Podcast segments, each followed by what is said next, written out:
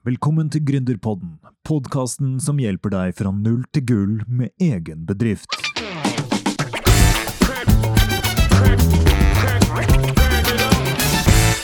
Velkommen til denne rykende ferske episoden av Gründerpodden fra null til gull.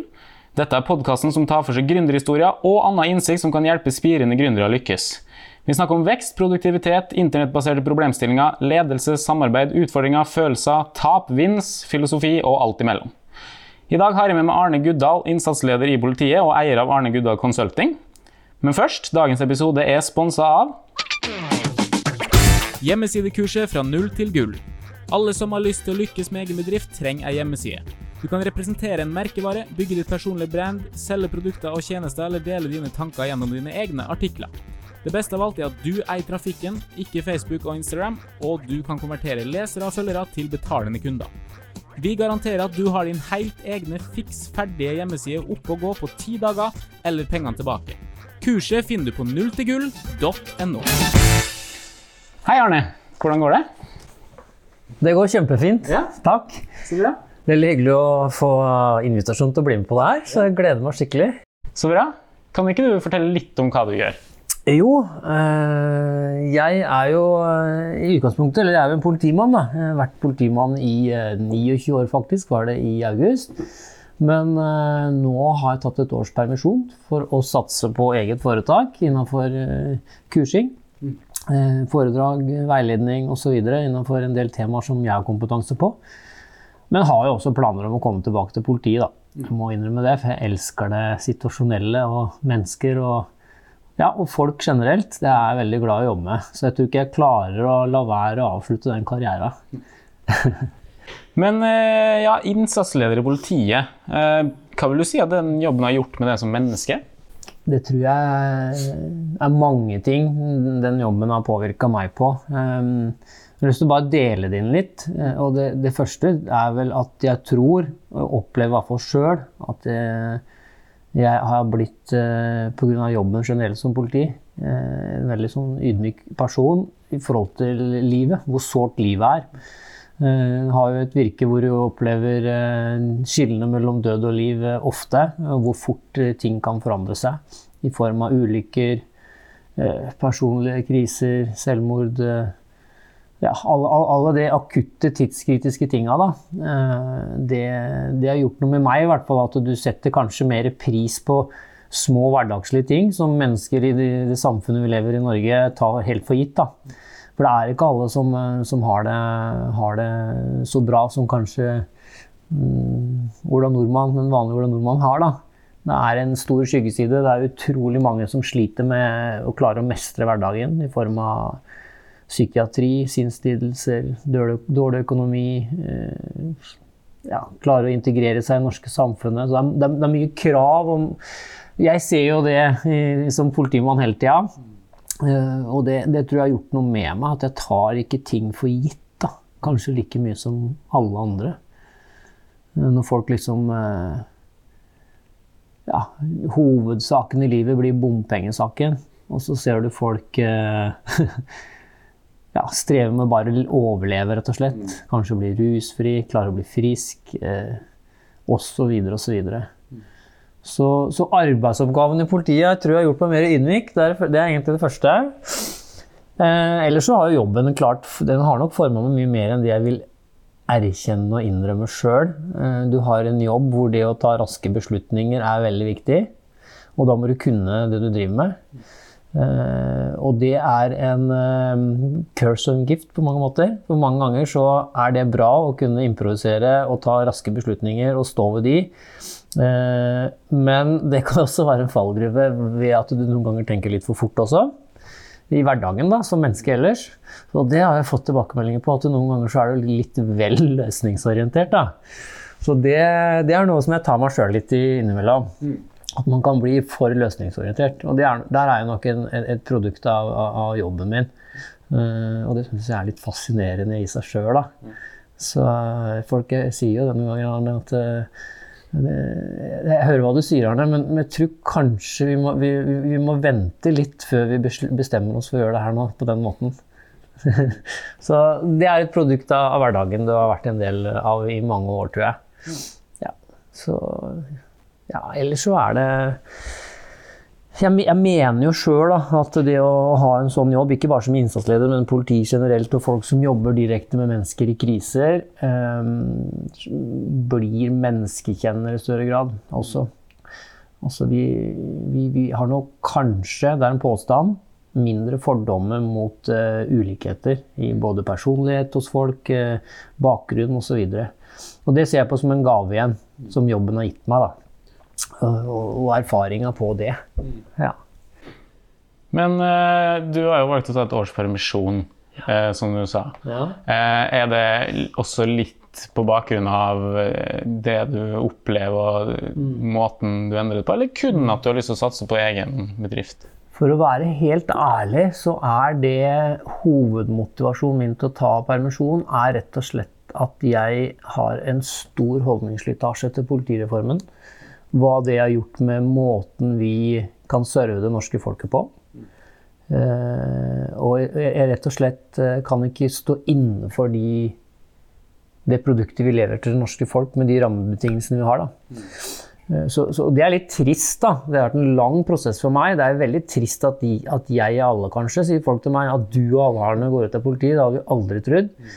Men, men jeg gjør det fordi jeg Ja, jeg klarer ikke stå, stå og være lojal, like, like jo lojal, da. eh, Med det vi leverer. Jeg ser et politi som sentraliseres. Jeg ser et politi som avfolkes i kommuner. Eh, At folk ikke får service og tjenester av politiet. For det handler ikke bare om å ta kriminelle. Vi driver med utrolig mye annet. Eh, Servicetjenester, tilgjengelighet, tilstedeværelse, eh, rådgiver, er rådgivere for mennesker, norske folk. Alle de tinga der.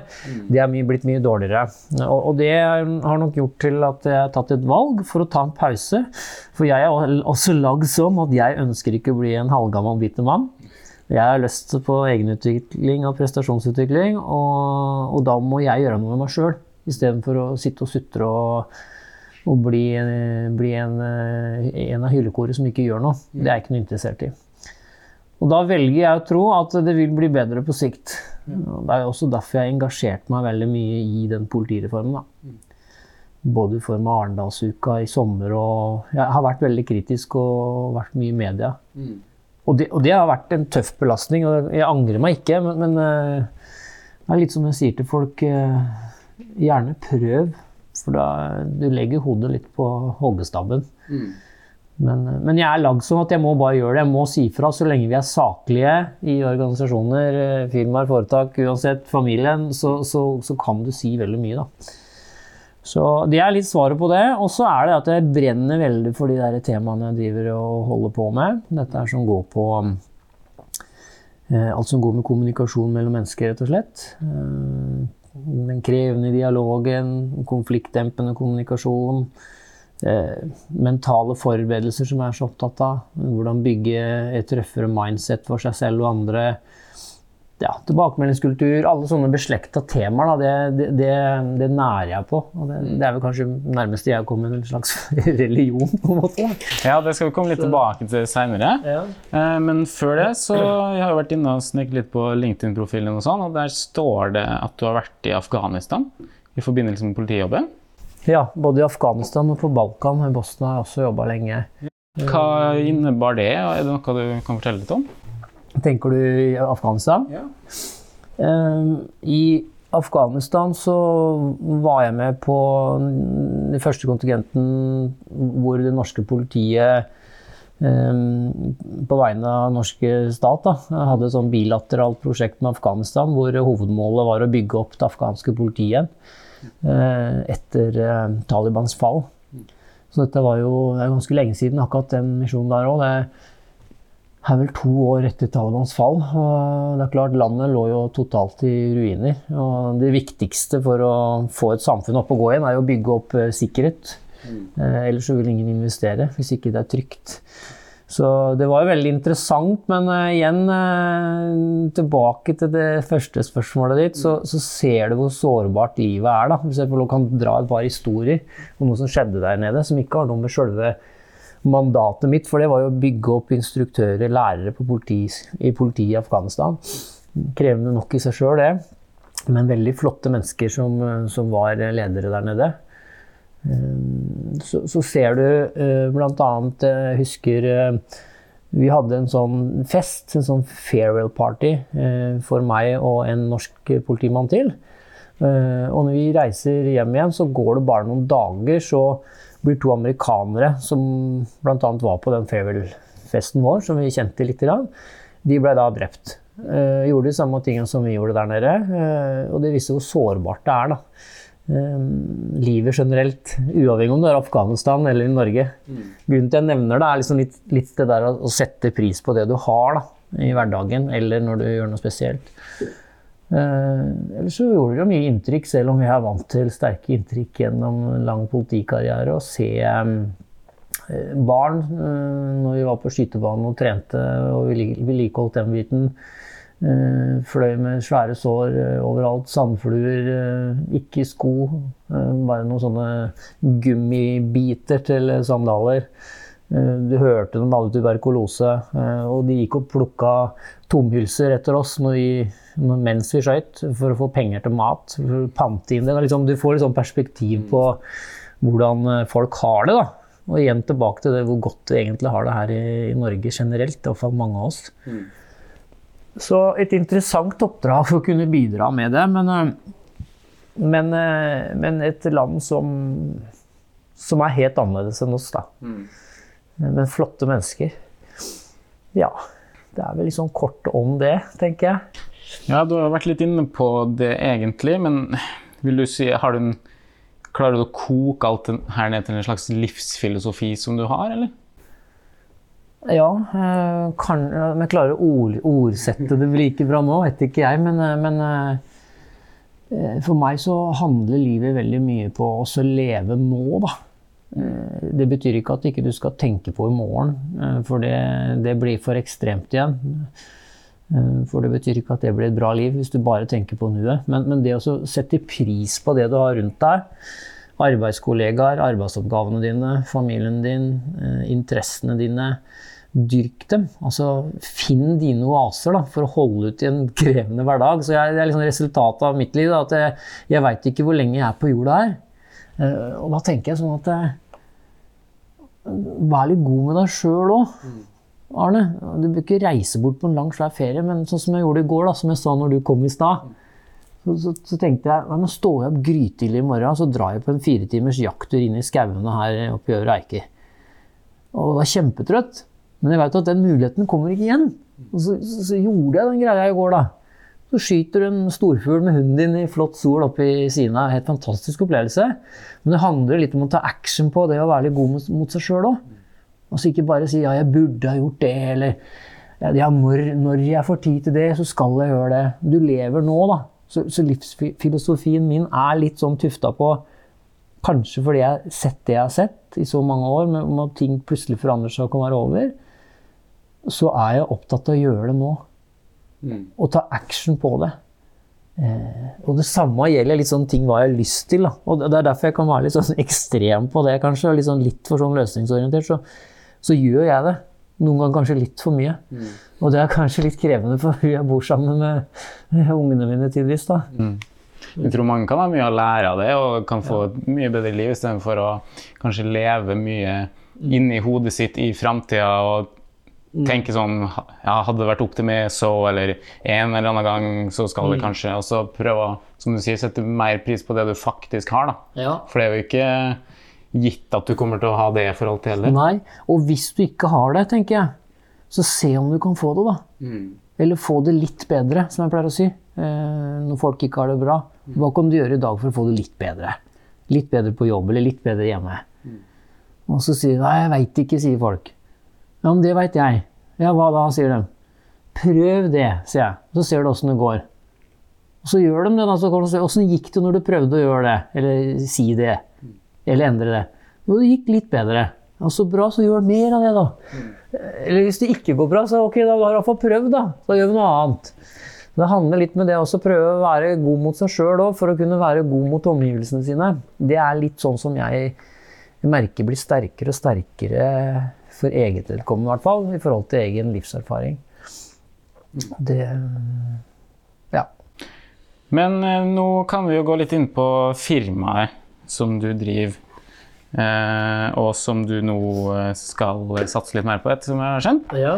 Ehm, jeg vet ikke hvor langt på vei du eller hvor mye erfaring du føler at du har med det, men hvis du kunne trekke fram noe som du skulle ønske du visste da du starta, helt i starten, er det, har du noen tanker om det, eller? Ja, det jeg ser da, eh, er at jeg har jo hatt dette foretaket mitt som et bierverv nå i åtte år, er det vel snart, ved siden av politijobben. Um, hvor jeg da driver mye med kurs, foredrag, veiledning for mennesker innenfor kommunikasjon, konflikthåndtering osv. Og, så og som jeg nevnte, mental forberedelse og de tingene. Det jeg ser at jeg burde ha gjort og lært mye mer av, var på et mye tidligere stadium eh, drive enda mer med nettverksbygging. For du kan være verdens beste på fagfeltet ditt, men du blir ikke synlig nok. Og det har jeg lært meg nå. Jeg har jo en skikkelig mentor sjøl som jeg er veldig glad i. Jeg er blitt en veldig god venn nå. Jeg må få lov å nevne han. Han heter Hågen Haugrønningen. Og jeg har masse å takke han for. Eh, og vi, er sånne gjensidige sparringspartnere for hverandre i hverdagen. Og det er helt fantastisk å ha sånne folk rundt deg. Og hvordan starta det møtet?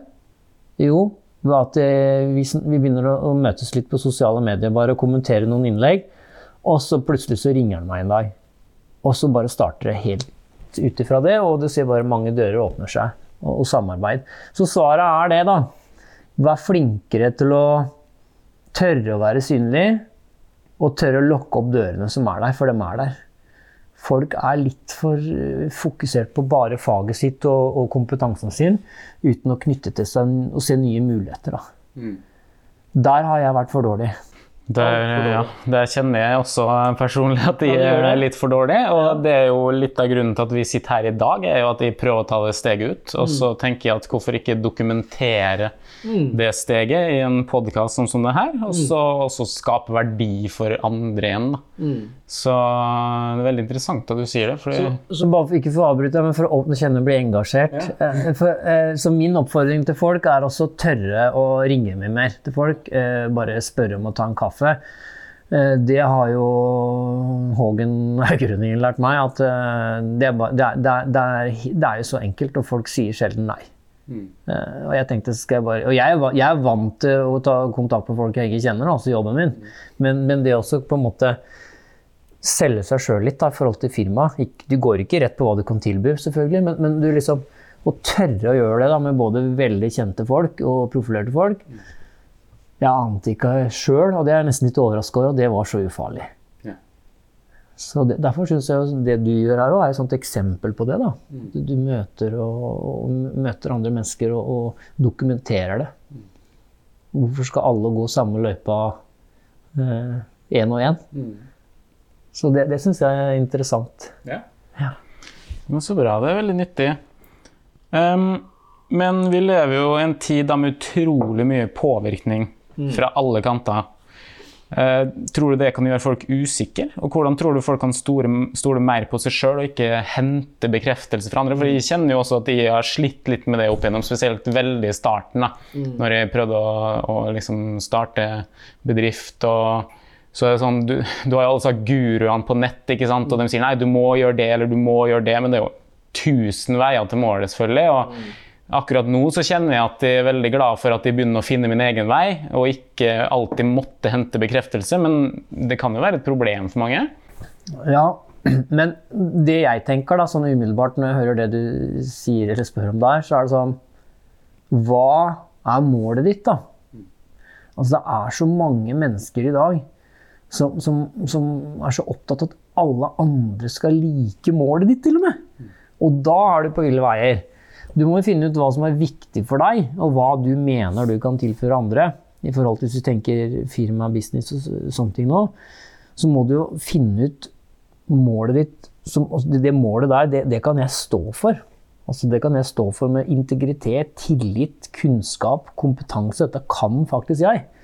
Og du kan jo alt jeg ikke kan, da, bare så det er sagt. Jeg blir fascinert av mennesker som kan ting helt annerledes, eller, eller andre ting som jeg ikke kan, men samtidig så er det en del ting vi kan likt også, som gjør at vi har fellesnevnere.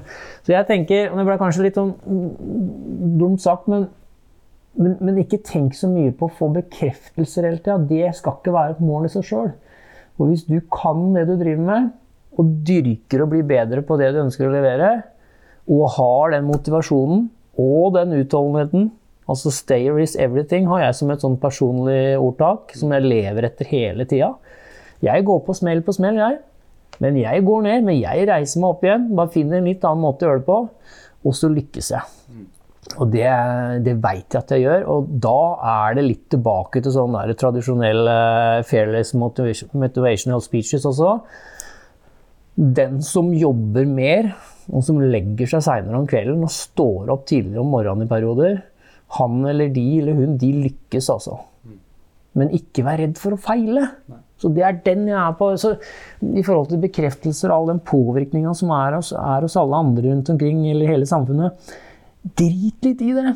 Gi rett og slett litt faen, altså. Uh, ok, det, det, var dumt jeg gjorde det der. Men hva er det verste som, som, skjedde her, eller hva er det verste som kan skje? Jo, det er at noen stiller lite spørsmål om hvorfor jeg gjorde det jeg gjorde, eller på den måten. Så ikke vær din verste fiende hele tida, for det er vi uansett. Og da er det litt tilbake til det som skjer i eget hode, som går på, på dette med mindset og mental forberedelse, som, som jeg er så opptatt av. Da. Når han styggen på ryggen begynner å si det at eh, Arne, eller Tor André, han nå ikke gjør det. Dette kan du ikke. Det kommer ikke til å gå.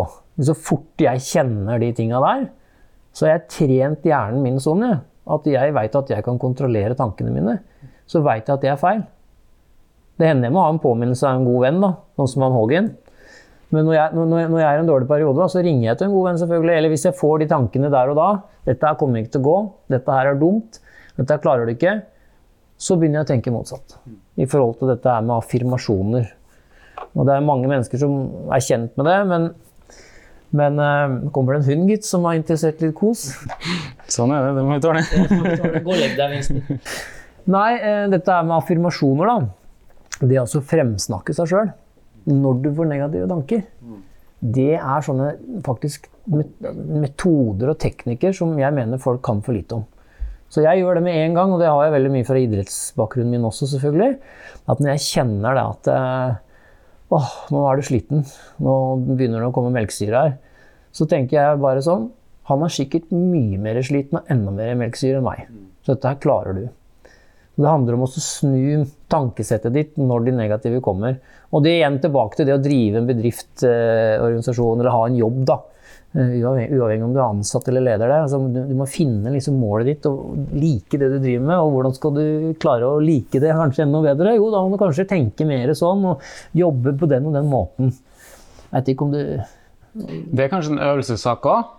Eh, at man eh, I starten så kan det være vanskelig, og så jo mer du øver på det, jo lettere går det. Det er akkurat det. Eh, og så ser du hvor ufarlig det gjør. Men, men det, det, jeg er opptatt av, er at hver enkelt skal tenke mer sånn. Hjernen er som en muskel. Den må trenes. Ikke bare kroppen din. Uh, og det kan jo du mye om med bakgrunnen din. Uh, det er, det, men du, du, kan ikke bare prate om det. Er det Du må faktisk ta action og gjøre noe med det. Sett av noen minutter hver dag, kanskje før du sovner, eller når du våkner om morgenen, til å tenke og trene hjernen din på, på, på ulike ting for, for, for, for de riktige tankene.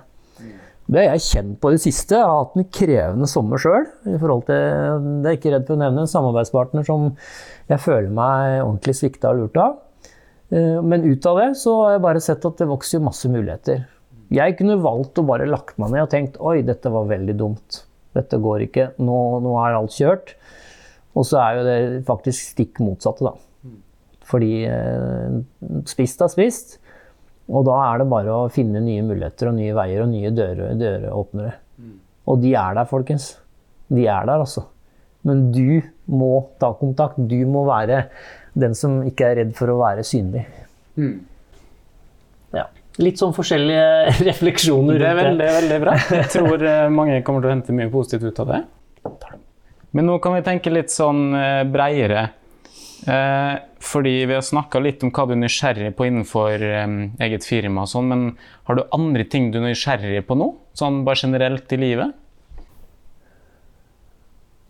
For meg, for meg, så handler det egentlig eh, å være, å være, nysgjerrig generelt på ting jeg ikke er god på. da.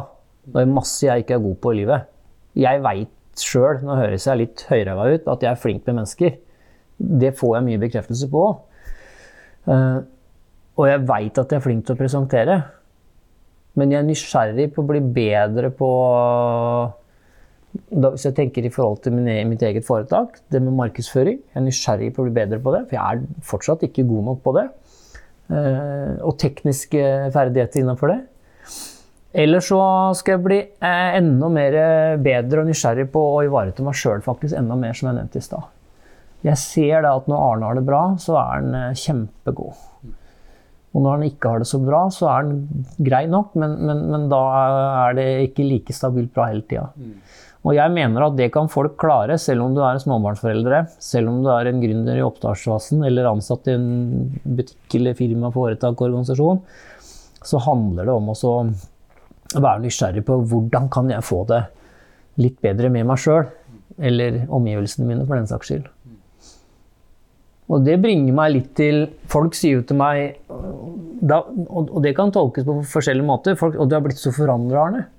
Det er enkelte bekjente eller venner som har sagt til meg og du har blitt så forandra det siste. Og så tenker jeg «Øh, nå må du si noe mer. Hvorfor sier du det? Er det fordi du liker det eller ikke liker det? Men det bryr ikke jeg meg så mye om. Men uavhengig av motivet for å si du har blitt så forandra, så sier jeg rett og slett bare at tusen takk for den tilbakemeldinga der. For det har vært målet mitt hele tida. Å forandre meg. Og da har det vært litt ulik, uh, ulik respons på det, da. Ikke sant? Men det er jo målet. Du må være sulten på å forandre deg, eller forsterke den du allerede er. For du skal ikke nødvendigvis forandre så mye på ting hvis ting eh, fungerer og du har det bra med deg sjøl og omgivelsene dine. Så fortsett med det, da. Men vær nysgjerrig på ting i livet som du ikke er like god på. Og det er litt sånn morsomt. Da. Det er kanskje ikke noe spennende, men det er nesten sånn halvveis sånn fun fact på meg i forhold til eh, eh, si, eh, PC-er og digitale ting. Da. Eh, for noen få år siden så gikk folk nesten og så på meg som en sånn dinosaur i politiet. Av kollegaer, særlig yngre. da. Men nå, siste fem-seks åra, særlig siste fem, så er det litt moro at det faktisk jeg kan Jeg er ikke ekspert i det hele tatt, sånn som det du er, men, men, men nå er det faktisk folk som blir overraska når jeg kan svare på eller hjelpe dem med en del ting på, på, på data. Sånn, da. Det syns jeg er litt gøy, men det har, det har kosta. Mm. Derfor må du investere tid i det du kanskje ikke er god på. Så det handler om sånn, litt sånn bredere, dypere i forhold til livet da, generelt. At eh, igjen, ta action på ting du har lyst til å endre. Eller ta action på ting du ønsker å forsterke. Ja. Og bli bevisst på hva er det ja. Men eh, tilbake til litt sånn mer bedriftsrelatert, og kanskje inni, hvis man inngår i en gruppe og kanskje da er leder. Hvordan vil du definere godt lederskap? Et godt lederskap for meg det, jeg, jeg har jo drevet med situasjonell ledelse i mange år, og elsker det, bare for å si det. Men, men, men, men, situasjonell ledelse er jo ikke alt. Men, men, det er det som går på raske eh, tiltak. eh, all- Alle de tingene som går liksom på ting som må gjøres der og da. Men, men det helt grunnleggende for godt lederskap for meg, det er at du er en leder som tar vare på de du har ansvaret for.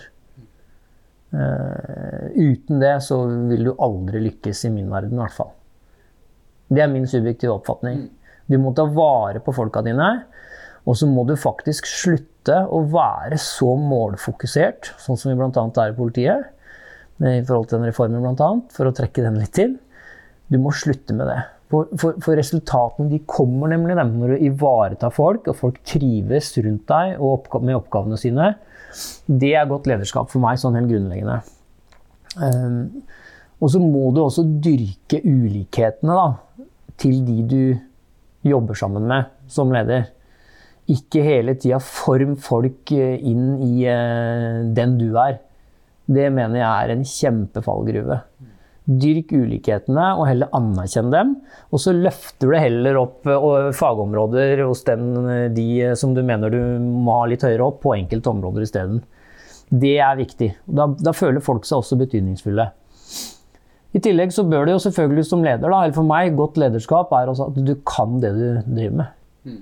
Én ting er å ha tillit, og det er veldig bra det. og integritet, at folk kan stole på deg. Men hvis ikke du har kunnskap og kompetanse om det du driver med, så faller jo lederskapet ditt der òg. Så, så du, du, du, som leder må du hele tida dyrke og bli veldig god i det du driver med. Eh, og finne ut hvorfor du faktisk driver med det igjen. Finne ditt why, rett og slett. Altså. Det er godt lederskap for meg. Og til, utover det igjen, så er lederskap, et godt lederskap det å kunne tørre å by på seg sjøl. Uh, fortelle faktisk hvordan man har det. Uh, være en sånn ambassadør uh, for de du jobber sammen med i hverdagen, men også etter prosjekter, oppgaver vi har løst. Og så må vi ta lærdom av de erfaringene vi har gjort. Vi må ta lærdom av det som er bra, og vi må ta lærdom av det som ikke fungerte like bra. Og hvordan gjør vi det, liksom? Jo, det gjør det via tilbakemeldingskultur. Sånn tenker jeg. Det, det, må du sette av tid til. Du hører veldig ofte det der har vi ikke tid til. Det er veldig bra det du sier, Arne, men vi har ikke tid til det, for vi har så mye å gjøre. vi skjønner. Så det er ikke tid til å drive og, og, og sitte og snakke om ting vi har gjort og sånne ting. Nei vel, da, da, da, velger du faktisk at utvikling ikke er viktig. I min verden, da. Da vil du bare fortsette å gjøre det samme. Og kanskje feil. Mm. Skjønner du hva jeg mener i forhold til den? Så det er godt lederskap for meg. Um, vi skal komme litt tilbake til det med tilbakemeldingskultur, og sånn, for det syns jeg er veldig interessant. Men hvordan er din egen lederstil? Hvordan uh, vil du definere mm. den? Det er litt sånn rart å definere sin egen lederstil, men jeg bruker mye tid på, på, på meg selv, jeg faktisk, og det har jeg funnet ut at jeg er smart. Min lederstil er i hverdagen um, veldig uformell med flat struktur. Da. Eh, og en innsatsleder, det er jo Skal du tenke politijobben min, da, sånn sett, som det er jo det jeg driver med hele livet. Ikke bare som innsatsleder, men som generelt i politiet så er det veldig sånn kommandostruktur, og det må det være i en del settinger når ting skjer. Men min lederstil den er veldig uformell i hverdagen når det ikke skjer noe. Hvorfor det? Jo, fordi jeg ønsker at de rundt meg skal uh, slappe av, rett og slett. Uh, ha det bra. Men de skal, eh, de skal også tørre å, å, å, by på seg sjøl. Og det, jo bedre vi kjenner hverandre på, på, et team, en gruppe, en avdeling, jo, jo mer slagkraftig blir vi, mener jeg. For da kjenner vi til hverandres både styrker og, og forbedringspotensial. Da. Så det, det er lederstilen min i hverdagen. Men siden folk kjenner meg så godt, så veit de at når det smeller på et tidskritisk oppdrag, så forandrer jeg meg helt fullstendig.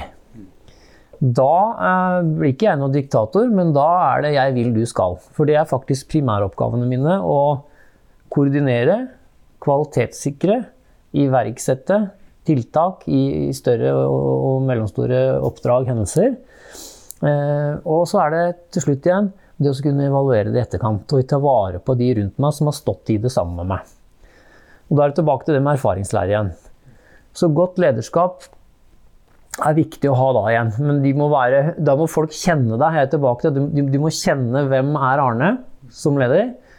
Og da er det heller ingen som blir overraska at den lederstilen varierer i forhold til hvilke oppgaver du har. Men jeg har troa på en uformell lederstil med, med lite hierarki i hverdagen men være tydelig på at sånn er jeg når vi skal gjøre det, eller vi er i den prosessen der. Da er jeg sånn. Mm. Da får folk lite, lite overraskelser. Mm. Skjønte, skjønte hva jeg mente i forhold til den? Mm. Ja. Det tror jeg er veldig lurt også, at det ikke blir eh, ja, at det, du er én person i én setting, og så en annen person i en annen setting, så, mm. men så veit ikke folk når eller hvorfor eller hvordan. Riktig. Da kan det bli litt sånn ukultur i gruppa, mm. kanskje. og så jeg skjønner absolutt hva du mener. Ja. Mm. så det å dyrke den, den biten der, det å kjenne hverandre best mulig, å ha et godt psykososialt eh, arbeidsmiljø, det handler ikke om å bare være hyggelig med hverandre, men det handler om å tørre å si til hverandre når man ikke er fornøyd også. Ja, Da er vi inne på tilbakemeldingskultur. Igjen. Hvordan vil du definere det bare sånn ja. kort? Tilbakemeldingskultur da, det er jo et spennende tema som jeg bare Det kan du aldri bli utlært i, for å si det sånn. Men eh, for meg da, så er definisjonen på tilbakemeldingskultur eh, Hvis vi tar det litt sånn pragmatisk og teoretisk, så er det sånn at eh, du gir tilbakemeldinger til en person eller en gruppe med personer for å få dem til å reflektere selv over egen atferd og prestasjoner. Hørte du det?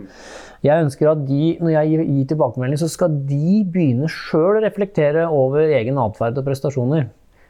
Du kan ikke si 'hvorfor gjorde du sånn?' eller 'hvorfor er du sånn?' For da driver du liksom og påtvinger dem egne verdier og, og, eh, og, og tankesett. Det, det, det, funker utrolig dårlig. Og det fungerer også utrolig dårlig å gi eh, til enhver tid sånn ubetinga ros eller anerkjennelse uten å ha noen mening med det. Gjerne gi folk positive tilbakemeldinger så ofte du kan, og ta dem med å gjøre noe godt. Det er veldig viktig. Men forklar hvorfor. Altså, hvis du bare går rundt og roser folk uten, ha, uten at du, du, har en tanke bak det, da, så, så, så, er det mange som ikke vil stole på det engang. Så det er én ting.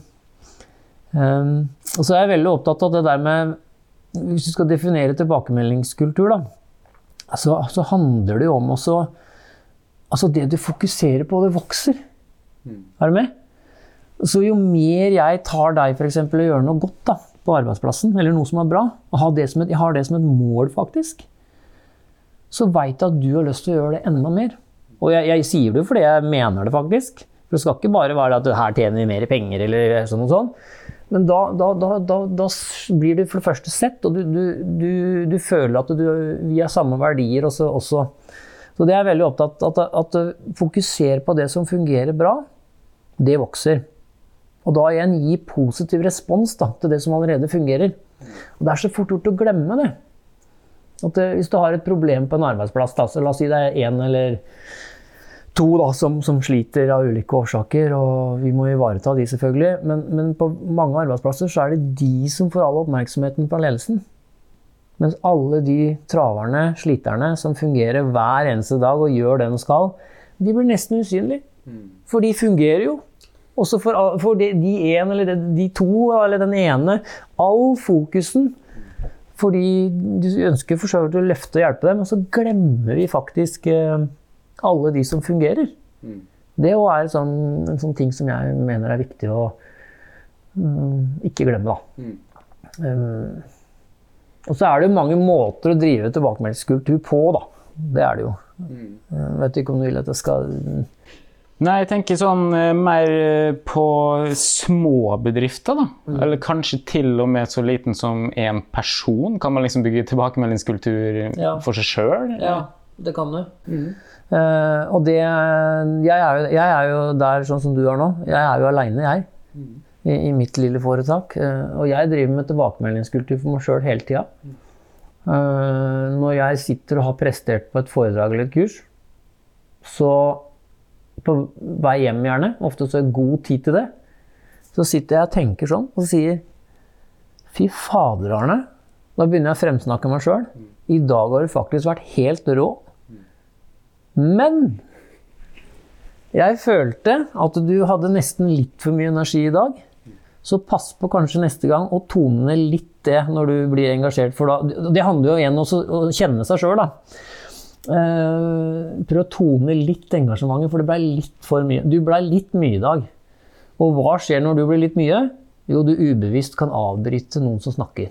Og det gjorde du kanskje én eller to ganger i dag. Og jo mer du holder på sånn og bruker energi på egne, egne tilbakemeldinger, på den måten, så vil du plutselig gjenkjenne det når du står i en setting. Når du tenker nok på det. Det er interessant, syns jeg. Ja, for det er ikke sånn at du sitter og noterer ned det her og leser det hver kveld og bruker Nei. masse masse energi Nei. for å liksom unngå det, men du bare du har sånn selvsnakk? Jeg har selvsnakk inni meg om hva som var bra, og hva jeg kanskje kunne gjort litt annerledes. Eller Jeg skal gjøre det enkelt, da, for jeg er en enkel fyr, faktisk. Mm. Jeg tenker sånn Hva kan jeg gjøre mer av neste gang? Og hva kan jeg gjøre mindre av neste gang? Mm. Jeg gjør det så enkelt, altså. Uh, og igjen, det å fremsnakke seg sjøl med gode affirmasjoner. Jeg anbefaler alle å google affirmasjoner hvis folk ikke veit hva det er for noe. For dere veit hva, hva, det er, men det er et sånn litt rart ord. Så er det veldig mange fine teknikker i, i forhold til det. Det å fremsnakke seg sjøl. Det er tilbakemeldingskultur til deg selv, men, men, det er nok ikke dumt å notere litt ned òg innimellom. Så at du kan ha, sånn, eh, ha en litt sånn notoritet på året ditt, eller måneden din, eller uka, hvordan det har vært. eh, Og se litt tilbake, det, det kan nok være smart, men ikke bruke for mye tid. For da blir det veldig sånn derre en veldig sånn teoretisk tilnærming til det. Målet er jo at jeg skal, jeg skal hele tida ha et ønske om å bli enda flinkere til det jeg allerede er god på. Ikke sant? Og ikke grav etter feil hele, hele tiden heller. Det er noen som klarer. Som aldri er fornøyd. Det blir slitsomt. Så når du, når du parkerer her da, etter en sånn tur og selvsnakka mm. og kommer inn døra, da er du måte ferdig med det. Eller da pusher du det til underbevisstheten, og så er det livet, liksom. Ja, så er det livet. For det handler om å slå bryter av og på og kunne omstille hjernen sin også fra eh, arbeidshverdagen til det private. Mange er flinke til å gjøre det fra når man reiser hjemmefra og prøver å omstille hjernen til eh, arbeidssituasjonen. Men jeg har en erfaring med Jeg jobba mye med kollegastøtteordningen i politiet òg. Folk som kanskje sliter av ulike og Jeg har gjort det sjøl en del ganger òg. Har det godt av noen å snakke med. Mange er mindre flinke til å omstille arbeidshverdagen over til den private og bruke energi på det igjen. Det har ikke noe med tilbakemeldingskultur, men det handler litt mer om hvordan mindset du har. da. Og så kjenne på, på hvor, det, hvor er jeg nå henne. Nå har det vært en tøff uke. Eh, Jeg er ikke fornøyd med sjefen min. Eh, Jeg er ikke fornøyd med butikken min. Eh, Og så sitter du og tenker sånn da, på vei hjem, og så kommer du inn, og så er det unger som hyler og skriker og er sultne, og du skal ha middag på bordet, og så merker du at det blir dårlig stemning, f.eks. Mm, og det kan jeg jo skyte en ting at mange som sikkert prøver å bygge opp en bedrift på sida, da, de har jo sin åtte timers jobb, og så kommer de hjem, og så, og så har de barn og sånn som skal legges, og så er det kanskje bare på kvelden de har tid til å sitte med det her. Og hvordan da fokusere på familien i det tidsrommet mellom full vanlig jobb og den kveldsjobbinga, eller få tida til sine kjære. Du blir jo kanskje veldig Hvis du skal være på hele tida, Ja. Og Derfor så tror jeg du må finne sånne gode Det er ikke noe fasit på, men du må finne, og jeg, alle må finne sin måte. Hvordan gjør jeg det best? Og jeg, mitt, mitt tips i hvert fall er også slå av den jobbsituasjonen og være til stede eh, når du f.eks. kommer hjem med familien din. Men så har du lagd deg mål, dagsmål, ukesmål. Jeg har veldig trua på det. Eh, at når du er rolig i huset, selv om jeg sover to timer mindre eller tre timer mindre den natta der, så skal jeg gjøre det i forhold til firmaet mitt. Og da gjør jeg det. Og det andre å slå bryter på og slå bryter av. Eh, Jeg har veldig troa på det. Istedenfor hele tida gå i en sånn nære boble hvor det hele tida veksler mellom familieliv og jobb. Du klarer ikke å slå av noe av det. Da, da blir du ikke til stede noen steder, tenker jeg da. Ja, men sånn tilbakemeldingskultur er jo veldig sånn på, på det. da. Det kan gjøres på mange, mange måter ellers, da. Eh, Jeg er veldig troa på å eh, som leder, f.eks., hvis ikke du har et enmannsforetak som jeg har, de det å så innby til tilbakemelding også faktisk over mail noen ganger. Hvis dere ikke rekker å samles, eh, som var planlagt f.eks., så ber du om at det, det kommer noen eh, læringspunkter f.eks., eh, eller tilbakemeldinger på det vi har gjort sammen, prestert på sammen, på godt og vondt. Eh, og så tar vi et møte seinere når vi har fått samla inn. Så det kan også gjøres skriftlig, da, for da går det ikke tapt. på en måte. Og Da er det fint å ha en sånn gruppe alle som er involverte kan se tilbakemeldingene sammen. Så det ikke bare er du som leder. Da setter det i gang mye refleksjoner i, i hodet til de, de som de jobber med. For folk tenker likt, og de tenker ulikt. 'Å ja, det tenkte, tenkte Arne på, og det tenkte ikke jeg på.' Men det jeg tenker på, er det. Vi burde kanskje ha sånn, eller det var bra der. Um, ja. Så handler det, eller det der om å være en kritisk venn også. Jeg vet ikke om du er kjent med det begrepet der, men det er noe som vi dyrker i politiet da. eh, Som jeg lærte av en leder som heter Øyvind Aas, som jeg har stor respekt for. Eh, Han, eh, og du lærer andre. Det er det som er interessant. Alt jeg kan i dag, har jeg enten erfart sjøl eller lært av andre. Det er ikke noe jeg finner på sjøl. Han sa det 'vær en kritisk venn'. Og siden han sa det for kanskje 17 år siden, så har jeg dyrka det. Vi har gjort noe med det, da. En kritisk venn er en som vil deg noe godt. Men han tør å si fra og påpeke ting ved deg som ikke nødvendigvis oppleves som positivt. Da. Men det er ment godt. Altså, den personen bruker tid og energi på deg, for han ønsker å spille deg god. Men da må du også være åpen for å ta imot, da. Men når du lager et sånt begrep og lar det leve i firmaet ditt, i organisasjonen din, og si Du, kan ikke jeg få lov til å være en kritisk venn med, sammen med deg nå, over en kaffekopp? Så sier du Du veit jo hva det er for noe? En kritisk venn? Så sier jo, det gjør vi, Arne. Og det som skjer da, nemlig, er at jeg mentalt forbereder deg på at nå skal vi sette oss sammen, og så skal, eh, kommer det til å komme en tilbakemelding eller to eller tre på deg. Helst tre, da. Eller fire, pleier jeg å si. Og da kjøper folk den mye mer enn liksom sier du, det, det som skjedde i forrige uke, hva, var greia der egentlig? Går, og sånn gjør jo mange, vet du. Altså, de, folk blir tatt på senga, og da blir ikke folk mottagelige, og de slutter å lytte, og de låser seg, og så kan det bli konflikt av det. Så jeg er veldig opptatt av at når du gir tilbakemeldinger som er konstruktive, men som ikke nødvendigvis oppleves som positive der og da, så er det viktig å komme med det prinsippet Har du hørt om det? Two stars and a wish? Nei. Det er sånn Det jeg syns er så bra med deg, da, det er at når du sitter i et møte med folk, så, så merker jeg at du, ser på personen, og jeg ser at du faktisk lytter og får med deg ting. Det syns jeg er kjempebra, at du er til stede. I tillegg så er du innmari flink til å ikke avbryte. Nå ga jeg deg to sånne positive faktorer, eller responser. Men så kommer den som jeg ønsker kanskje litt mer av. Det jeg kunne ha tenkt meg derimot, var at du hadde vært litt mer tydelig på hva du ønska med det møtet her, og tok rommet litt mer. Og, da, og når folk hører sånne ting, så, så skjønner de at du sier det i beste mening. Da. Eh, Så etabler det som fungerer, men tør å pirke det som du ønsker endring på. Jeg har hørt en eh, på norsk, jeg tror jeg nesten tilbake til barneskolen, sånn sandwich eh, eh, At man pakker det inn som en sandwich, da, men da var det først en positiv ting, Ja. og så en konstruktiv kritikk, og så en positiv ting til. Da, så du alltid avslutter med den positive. Det var liksom den, men ja. Så det er sånne teknikker igjen, men igjen, teknikker må være genuint ekte og ærlig, ellers så faller det på sin stol. Eh, Men jeg har veldig troa på å dyrke og sette av tid til en sånn oppsummering av uka, en midtukebreak. eh, Og det kan ta ti minutter, kvarter eller over en telefon. da. Hvis du er aleine, sånn som du og jeg er nå, eh, på firmaet vårt, så kan vi ringe til en, en, en venn eller en du har som ressursperson. Og det gjør jeg mye mer nå, siden jeg er aleine nå. Og det er helt vesentlig for meg for å både våkne opp, men også få anerkjennelse noen ganger for det, for, hos noen som virkelig betyr noe for deg. Så jeg har veldig troa på det. Så det er tilbakemeldinger. Nå prata mye om tilbakemeldinger, men det, det, er- det syns jeg er veldig fascinerende. Det er veldig interessant. Så, Men eh, da er vi inn på noe kanskje litt eh, mer personlig. Det trenger ikke å være en personlig ting, det kan være i forhold til firma og sånn, men ingen er jo perfekt. I hvert fall ikke Eh, jeg. Nei, sant? Men du har mye selvsnakk, så du har positiv selvsnakk, så du har kanskje fortrengt alt du har gjort feil i livet. Men, men kan du fortelle om en gang du har feila, og hvordan du reagerte på det?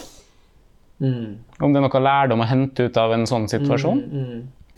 Og jeg feiler jo hele tida, vet du. Uh, og det er det som er litt eh, Når du bare sier ordet feil, så får jeg mange piler inn i hodet mitt. Og det er sånn at eh, eh, Prøv å ikke være så redd for å feile, men bare få lov å si det først. Drit litt i det, sa jeg i stad. Prøv å være ikke så fordømt fantastisk hele tida. Men vær heller feiltastisk. At du tør å feile. Eh, og lær av det.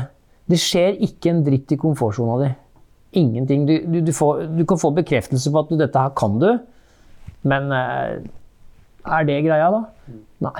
Da er det bedre å gjøre ting og tørre å prøve å gjøre ting på områder du ikke kan like godt, og så feiler du, og så lærer du av det. Så, så det, er, som jeg si sånn aller først, da. Men hvis jeg går til, mm, til jobben min, da, så, mm, så feiler jo jeg, jeg feiler jo hele tida, jeg. Og, og jeg innrømmer jo det. Jeg feiler hele tida. Bare, bare at det er ulike grader å feile på. Um, men jeg husker bl.a. en gang hvor jeg ville for mye uh, med de jeg hadde ansvaret for. Eh, Og da handler det litt om tilbakemeldingskultur igjen, eh, som skjer på en fest da, her. Jeg er veldig opptatt av også at vi møtes en, en gang iblant eh, eh, sammen og bare ha, er til og har det godt sammen. Og jeg husker jeg hadde lagd en sånn skikkelig viltmiddag, for jeg jakter mye. Eh, og, så, og så utover kvelden så blir det en del alkohol, og vi har det kjempetrivelig. Eh, og jeg skulle slutte i den jobben. Og så sier Og jeg ville så mye at når jeg slutta i den jobben, så skulle alle være sånn skikkelig spissa. Så det jeg ikke skjønte, at jeg hadde pressa folka mine for mye. Jeg ville for mye. Og så forsto jeg ikke at folk var litt ulike livsfaser i forhold til små barn. Jeg forsto det, men, jeg, men de har alltid vært så påskrudd, da. Så, så jeg fortsatte å pushe. Jeg burde ikke ha gjort det, men, men, men ingen av de hadde sagt til meg Arne, slapp av, ro deg ned. Jeg var så opptatt at når jeg forlot skuta der, sånn, så skulle de være skikkelig gode. Ikke for at jeg skulle bli sett, men at jeg ville det for deres beste. Så sier han ene på festen, og det, da kan du begynne, da, da husker jeg ble, jeg tror jeg begynte å gråte av det, for jeg, ble jeg syntes den tilbakemeldingen var så rå. Men den var hard å få i ansiktet. Og så sier jeg da at du, sier jeg, eh, i forhold til eh, Nå skal jeg reise Jeg føler liksom det er så slapp stemning på, på gruppa her. Eh, jeg har liksom gjort alt jeg kan for å spisse oss. Og så kikker han på meg veldig sånn alvorlig med et godt blikk, og så sier han Ja, men Arne, du må huske på det. Så sier jeg Hvorfor har ingen sagt det til meg, at jeg har, vært- har pressa dere for hardt, f.eks.? Og så kikker han på meg lenge, og så sier han Du må huske på det, Arne, at eh, du river ikke en konge ned av sin hest, vet du, sier han. Og det var det at de hadde så respekt for meg at de ønska ikke å såre meg, tenkte jeg. Uh, og det, det, var, det var godt ment, men, men det var jo dumt de ikke sa det til meg. da. Men, men det var fantastisk tøft og fint å si det da, på den måten der. sånn. Og det lærte jeg utrolig mye av. At du må dyrke enda mer de rundt deg, selv om jeg alltid har gjort det. eh, og, og, og lytte til de. Og få de til å snakke. Eh, Jeg trodde jeg hadde en eh, flat struktur, men så hadde folk for mye respekt for meg. Det er sånn læring i forhold til den, den biten. Ellers så feiler jeg som alle andre mye mer på den private i familiesituasjonen min hele tida enn det jeg gjør i den profesjonelle hverdag. Det tror jeg mange kjenner seg igjen i. Og, og tidvis så blir det faktisk brukt mot meg òg. Hvor, hvor, eh, hvor min gode samboer da sier at eh, du gutten min, jeg kan ikke akkurat si at du er en kjempegod relasjonsbygger akkurat nå. Du som reiser rundt og holder kurs om relasjonskompetanse og kommunikasjon, jeg er ikke spesielt imponert over deg nå. Så, så vi er bare mennesker, og vi har gode og dårlige dager, altså. Det, det må man bare si. Så ja, det var litt rundt den biten der. Men det er interessant å høre. Få litt sånn input fra folk med forskjellig bakgrunn, og mm, ingen er perfekte. Overhodet ikke. Men eh, kan vi ta kort, da, for nå har vi jo snakka en stund. Men eh, Kanskje vanskelig å ta det kort, men eh, konflikthåndtering. Jeg har lyst til å snakke litt om det. Eh, kjapt om hvorfor konflikthåndtering er viktig, og hvordan kan det bli bedre på konflikthåndtering hjelper noen som vil starte sin egen bedrift? Konflikthåndtering er jo helt, det, det vil oppstå konflikter uansett, hele tiden. Så det å ha kunnskap om seg sjøl, om hvordan du har som um, tendens å opptre i møte med andre, altså din egen bevissthet i møte med andre, det, det mener jeg er helt grunnleggende. Altså bli mer bevisst på egen atferd i møte med andre. Det er mange som tror man har store eller gode kommunikatører, og så er det, omverdenen opp, opp, opplever det helt annerledes. Så konflikthåndtering for meg, det handler om også være bevisst på egen atferd. Ubevisst og bevisst atferd. Det handler om å dyrke egenskaper som aktiv lytteteknikk. Hva er det den på andre siden av bordet sitter og sier til meg her? Er det mentalt til stede å høre? Det, det handler om å være bevisst på atferd i form av eget kroppsspråk, alle de tingene der. Og så handler det om, om kunnskap og kompetanse på faktisk hvordan er du snakker til andre når du blir følelsesmessig engasjert. Hvilke ord er det du velger? Altså, hvilke kommunikative metoder har du i ryggsekken din som kan redusere motvilje? Da? Eller frustrasjon? Eller sorg? Eller manglende samarbeidsevne? Det er god konflikthåndtering for meg. For konflikthåndtering handler om å finne gode løsninger som begge eller alle parter er best mulig tjent med. Det er liksom definisjonen på det. Og da er det jo sånn, det kjenner du helt sikkert til på hjemmebane nå, at eh, nesten alle konflikter starter ut ifra små situasjoner. Eh, feil ord blir sagt, eller du lytter for lite, og så er det som å helle bensin på bålet. Så jeg har en sånn livsfilosofi om å hele tida dyrke og løse konflikter på lavest mulig nivå, så ikke de får lov å leve videre. Enten i form av misnøye, mistrivsel, uenighet. Altså jeg, jeg ser og leser mennesker når folk ikke er fornøyd med meg. eller ikke liker at jeg er der jeg er, fordi jeg representerer det jeg gjør, og dyrker det. Um, og da er det liksom tiden er din venn også. Det bør ikke være farlige ting vi prater om nå, men så lenge jeg er til stede og viser at jeg er interessert i deg og dine problemer eller dine utfordringer, og prøver å, prøver å forstå, for jeg forstår helt sikkert ikke hvordan du har det, så er det, er det grobunn for samarbeid. Og det gjelder også i forhold til si, livet, men også i, um, i, i næringslivet. Da.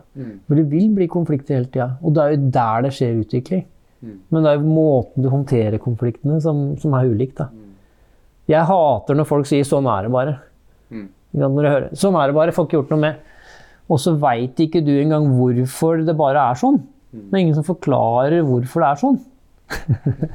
altså, alle mennesker har eh, et behov for informasjon, og informasjon skaper mestring. Derfor er det viktig å informere hele tida til mennesker rundt deg når det er oppstått eller er fare for å oppstå en konflikt. Hvorfor ting er som det er. Ikke bare at det er sånn.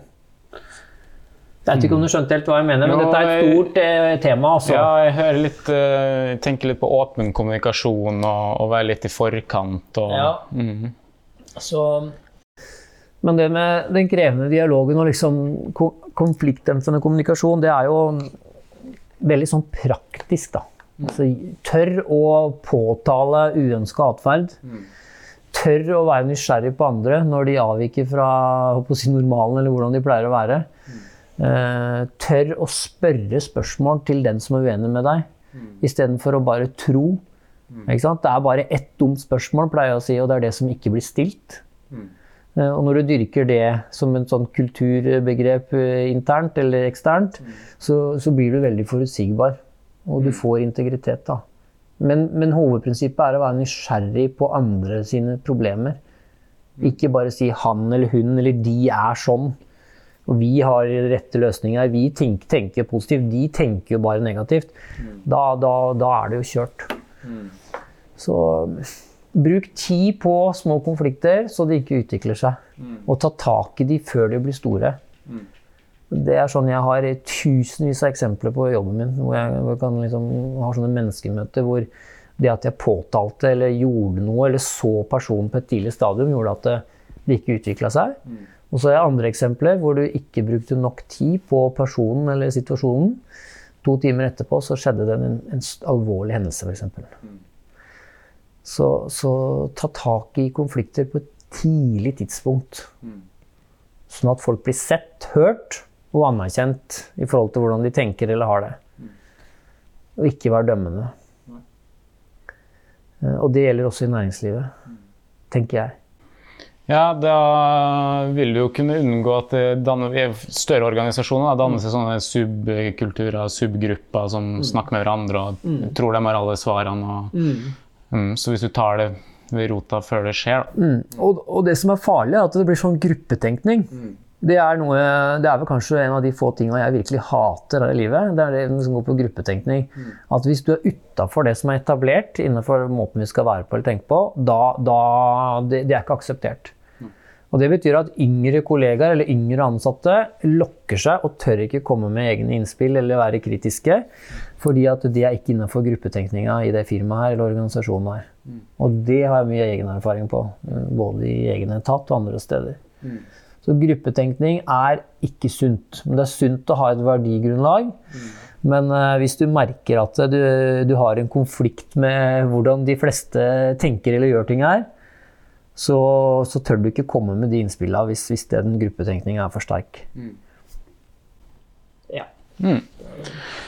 Ehm, da er vi straks ved veis ende, men er det noe veldig viktig som vi ikke har toucha på, som du har lyst til å formidle her? Eh, kanskje jeg får snakka mye nå, men, men, men samtidig så er det sånn at eh, jeg er tilbake til det. Hvordan kan du som person da, få til mest mulig innenfor det du har lyst til å gjøre?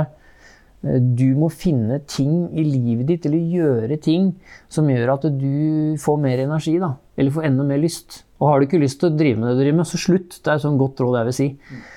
Men jeg tenker, hvis du er en person som føler du har for mye å gjøre, skru av bryteren, gå og tren, da.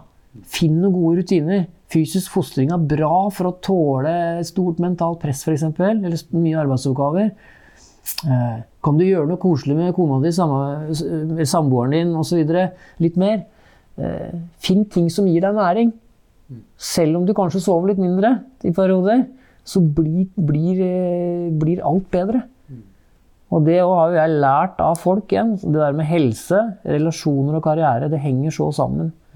Har jeg dårlig helse, eller ikke tar vare på helsa mi, eller det jeg syns er gøy, eller tar vare på relasjonene mine i form av venner, interesser, eh, familie, så går det dårlig. Eh, er jeg veldig fornøyd med karrieren min, og ingen av de andre, eller en av de andre punktene ikke fungerer like bra, så, så, så blir sluttproduktet dårlig. For du skal jo stå i dette over tid, forhåpentligvis. Så det vil jeg si. Fokuser på de tre tinga. eh, helse, relasjon og karriere. Som jeg personlig har lært av han Hågen Haugrønningen. Men jeg har levd, lært det selv også, men han har satt så veldig gode ord på det for meg. Da Finn en god person å lufte og ventilere tankene dine med, og, og det du driver med. Mer enn du gjør i dag. Det er noe jeg vil bare si sånn på slutten i forhold til det. Tenker jeg, da. Bra. Eh, Du fikk en oppgave som alle skal få. Det er å finne en liten fun fact eh, til dagens episode. Du har valgt en litt personlig fun fact. ja. Ja. Hvor funny det er, det vet jo ikke jeg, da. Men, men det er litt sånn morsomt da, hvordan omgivelsene ser på meg, da, kanskje. I, I forhold til det jeg driver med. Så blir det jo sett på som strukturert fyr og mm, stor mestring og overskudd og ditt og datt, sånne ting. Men eh, det som er litt spesielt med meg, er at når jeg har sjansen til å slå av den bryteren, altså kutte helt ut og fokusere, rett og slett, og bare er til og slapper av, eh, så er jeg egentlig en ganske ubrukelig fyr. Eh, Og, da, og det får utslag i, eh, i det at jeg har eh, store problemer med å huske bilnøkler, eh, sånn avgangskort osv. Til tross for teknikker og metoder, så er det nesten som det virker som det er en genfeil eller hjerneskade. Så Samboeren min sier jo det. Det er jo veldig morsomt da, gutten min, at du nærmest har sånn tampen brenner hele året etter bilnøkler og kort. Jeg går rundt og leiter hele tida. Eh, og det er litt sånn fun fact i forhold til meg, for det, det strider litt med hvordan du liksom holder på ellers. Og når jeg kom hjem fra et eh, års opphold i Bosnia, så var vi på sånn psykologdebrifing, og så sier den psykologen til meg Du Arne, eh, sliter du, eller er det noe du ja, syns har vært krevende i forhold til dette, dette året her i, i Bosnia?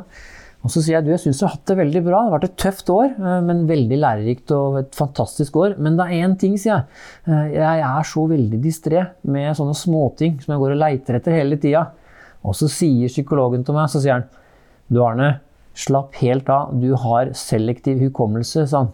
Og da sa jeg kan ikke jeg være så snill å få det skriftlig, for da har jeg så lyst til å ta med hjem til samboeren min og vise at jeg har selektiv hukommelse. Så at jeg har det fra fagfolk. Og det fikk jeg. Så det er litt morsomt, da. Syns jeg, da.